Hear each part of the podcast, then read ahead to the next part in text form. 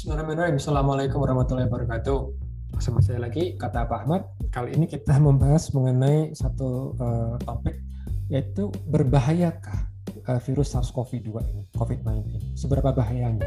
Ya, karena apa? Karena kita pernah me, apa, mengetahui ada namanya flu Spanyol, ya Spanish flu. Kita juga pernah uh, melihat ada namanya SARS. Kita juga di Indonesia mengalami apa dengan flu burung, gitu ya. Dan kalau di Timur Tengah dan Korea Selatan mereka pernah merasakan MERS. Ya. Nah, uh, di sini sebenarnya kalau dilihat seberapa bahaya, apa sih bahaya gitu ya? Nah, dalam dalam jargon uh, medis itu ada namanya patogenik.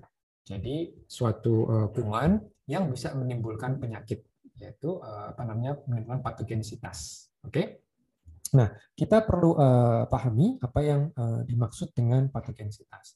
Nah, uh, sebenarnya kalau kita lihat mengenai SARS-CoV-2, penyebab COVID-19 ini memang low patogenik.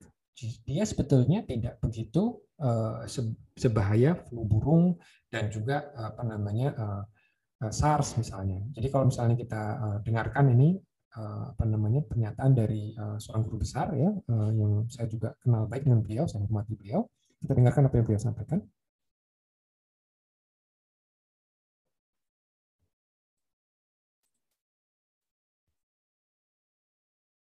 Positifnya banyak. Itu selalu menyertai suatu situasi tertentu ada kerumunan, lah terus kemudian katanya pasiennya naik, apa positifnya naik, ada kerumunan positifnya naik, loh kok kok pinter men, kok pinter amat sih virusnya? Oh di sana emang ada kerumunan, ayo ke sana yuk. Oh di sana ada kerumunan, ayo ke sana yuk. Kan enggak begitu. Ya padahal analisis saya itu virus COVID ini adalah low pathogenic tidak bisa tidak bisa langsung membunuh orang kecuali orang itu punya komorbid. Nah, dan itu terbukti dengan orang-orang yang mati itu semua hampir semua itu mempunyai komorbid. Itu karena memang virus ini beda dengan virus influenza dan virus flu burung. Kalau virus influenza itu berhenti di uh, High patogenik ya. Ya, bukan yang low patogenik, oh. influenza musiman itu. Oh. Nah, itu kan berhenti ya, anu apa H1N1 uh. itu kan berhenti di saluran atas. Kalau H5N1 yang highly patogenik itu berhenti di paru-paru. Tapi kalau COVID ini low patogenik, tapi dia masuk ke seluruh pembuluh darah. Jadi orang-orang yang punya komorbid pembuluh darah itu biasanya punya risiko tinggi. Ya, jadi apa yang uh, beliau sampaikan itu ada ada benarnya, ya, ada benarnya. Dalam artian begini, uh, kalau kita bandingkan angka kematian dalam arti persentase kematian dari 100 orang yang terinfeksi, kalau dia terinfeksi H5N1 flu burung, ya itu bisa diperkirakan dari 100 orang antara 50 sampai 80 orang akan meninggal. Kalau kita bicara flu burung, oke, jadi persentase kematiannya tinggi sekali. Kalau kita lihat SARS itu sekitar 10 persen. Ya, jadi 100 orang yang terinfeksi, 10 akan meninggal. Itu banyak banget. Oke. Kalau kita melihat MERS yang ada di Timur Tengah dan di Korea Selatan, itu sekitar 40 persen.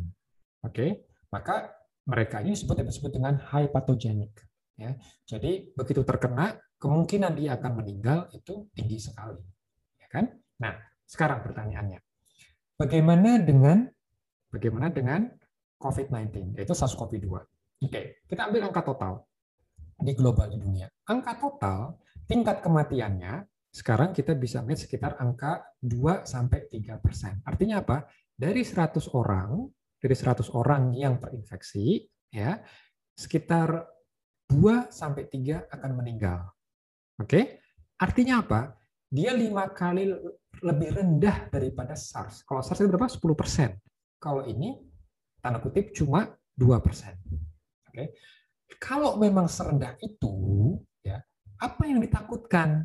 Apa yang dikhawatirkan? Makanya tidak heran, saya bisa bisa maklum kalau uh, tidak sedikit rekan-rekan kita yang tanda kutip masih tidak mengerti mengapa sih kita menakutkan sesuatu yang relatif kecil tingkat kematiannya. Oke.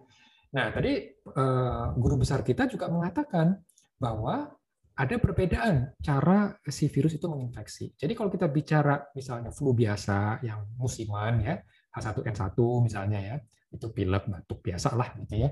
Itu memang virusnya lebih suka di rongga nafas atas gitu ya. Dan kalau di negara tropik seperti kita jarang saya belum pernah mendengar orang meninggal karena flu gitu ya, karena flu. Nah, tapi kalau misalnya kita bicara mengenai uh, SARS-CoV-2 ya, penyebab COVID-19, oke. Okay, itu berbeda. Nah, kalau kita bicara SARS dulu ya, SARS dan MERS, dia tidak nempel di rongga nafas atas. Dia nempelnya ke mana? Rongga nafas bawah. Nah, ini menarik. Karena dia nempel di rongga nafas bawah, maka apa yang terjadi? Yang terjadi mereka menimbulkan gejala. Karena mereka menimbulkan gejala, maka pengendalian SARS dan MERS ya relatif lebih mudah. Kenapa? Karena mereka bisa fokus kepada yang bergejala.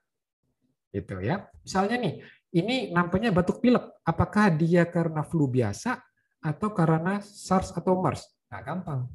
Mereka akan eh, koleksi hanya tes yang bergejala saja. Tes yang bergejala saja. Ini adalah paradigma yang selama ini dilakukan sampai awal tahun 2020. Di mana dunia terlena. Karena banyak sekali ahli, banyak sekali pakar yang menganggap bahwa yang menggunakan masker hanya yang bergejala, yang dites hanya yang bergejala. Oke? Dunia tidak siap karena ada fenomena baru yaitu disebut dengan OTG untuk COVID-19. Kok bisa seperti itu? Kalau yang patogeniknya tinggi, itu mereka banyak di rongga nafas bawah. Tetapi kali ini yang bicara COVID-19, virusnya gen pakunya sangat kuat, dia bisa menempel di rongga nafas atas. Apa dampaknya?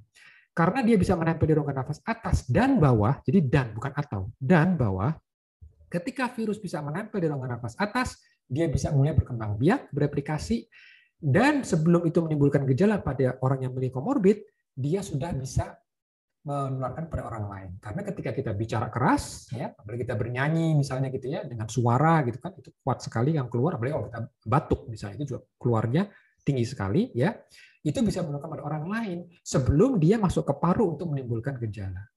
Maka yang kita perlu perhatikan kalau kita bicara asimptomatik apa atau yang tidak bergejala itu sebetulnya susah dibedakan dengan yang belum bergejala. Oke? Karena apa? Kalau kita bicara orang biasa, dia mungkin merasa oh, cuma angkat-angkat dikit, dia masih bisa bekerja gitu ya. Padahal dia sebetulnya sudah tanda-tanda, tapi dia tidak begitu merasakannya. Nah, memang virus ini SARS-CoV-2, oke, okay, sekitar 80% dia mungkin tidak bergejala dan dia mungkin uh, gejalanya sangat ringan. Oke. Okay?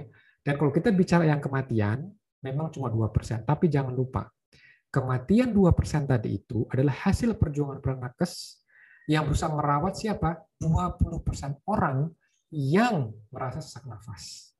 Artinya apa? Seandainya 20% orang ini tidak mendapatkan akses ke rumah sakit karena rumah sakitnya penuh, bisa jadi angka kematian bisa lebih dari itu. Oke. Okay? Dan kita seharusnya bersyukur mengapa kita masih bisa mempertahankan di angka 2-3% ini. Jangan diabaikan. Karena kalau sampai nakes kita habis, bisa jadi angka kematian lebih tinggi. Nah, angka 20% yang sesak nafas ini, yang gejala sedang hingga berat ini yang kadang dilupakan oleh rekan-rekan. Oke, jadi dua hal yang kita harus pelajari dari COVID-19 ini. Betul, virusnya dia memang tanda kutip relatif low patogenik. Prof tidak salah. Tapi satu hal yang kita nggak boleh abai, yaitu karena dia bisa menimbulkan orang tidak bergejala, sehingga virus ini bisa menyebar lebih luas lagi. Karena apa? Kita tidak bisa mendeteksi kecuali alat khusus, yaitu dengan PCR, kecuali dengan antigen, gitu kan? Nah itu baru bisa terdeteksi dengan dengan jelas, gitu kan? Kita bisa pilih nih mana yang free, mana yang tidak, gitu kan? Relatif, memang tidak sempurna, tetapi kita bisa mengendalikan karena Cina, Vietnam itu contoh negara Asia yang bagus yang mereka mengendalikan dengan itu, gitu kan?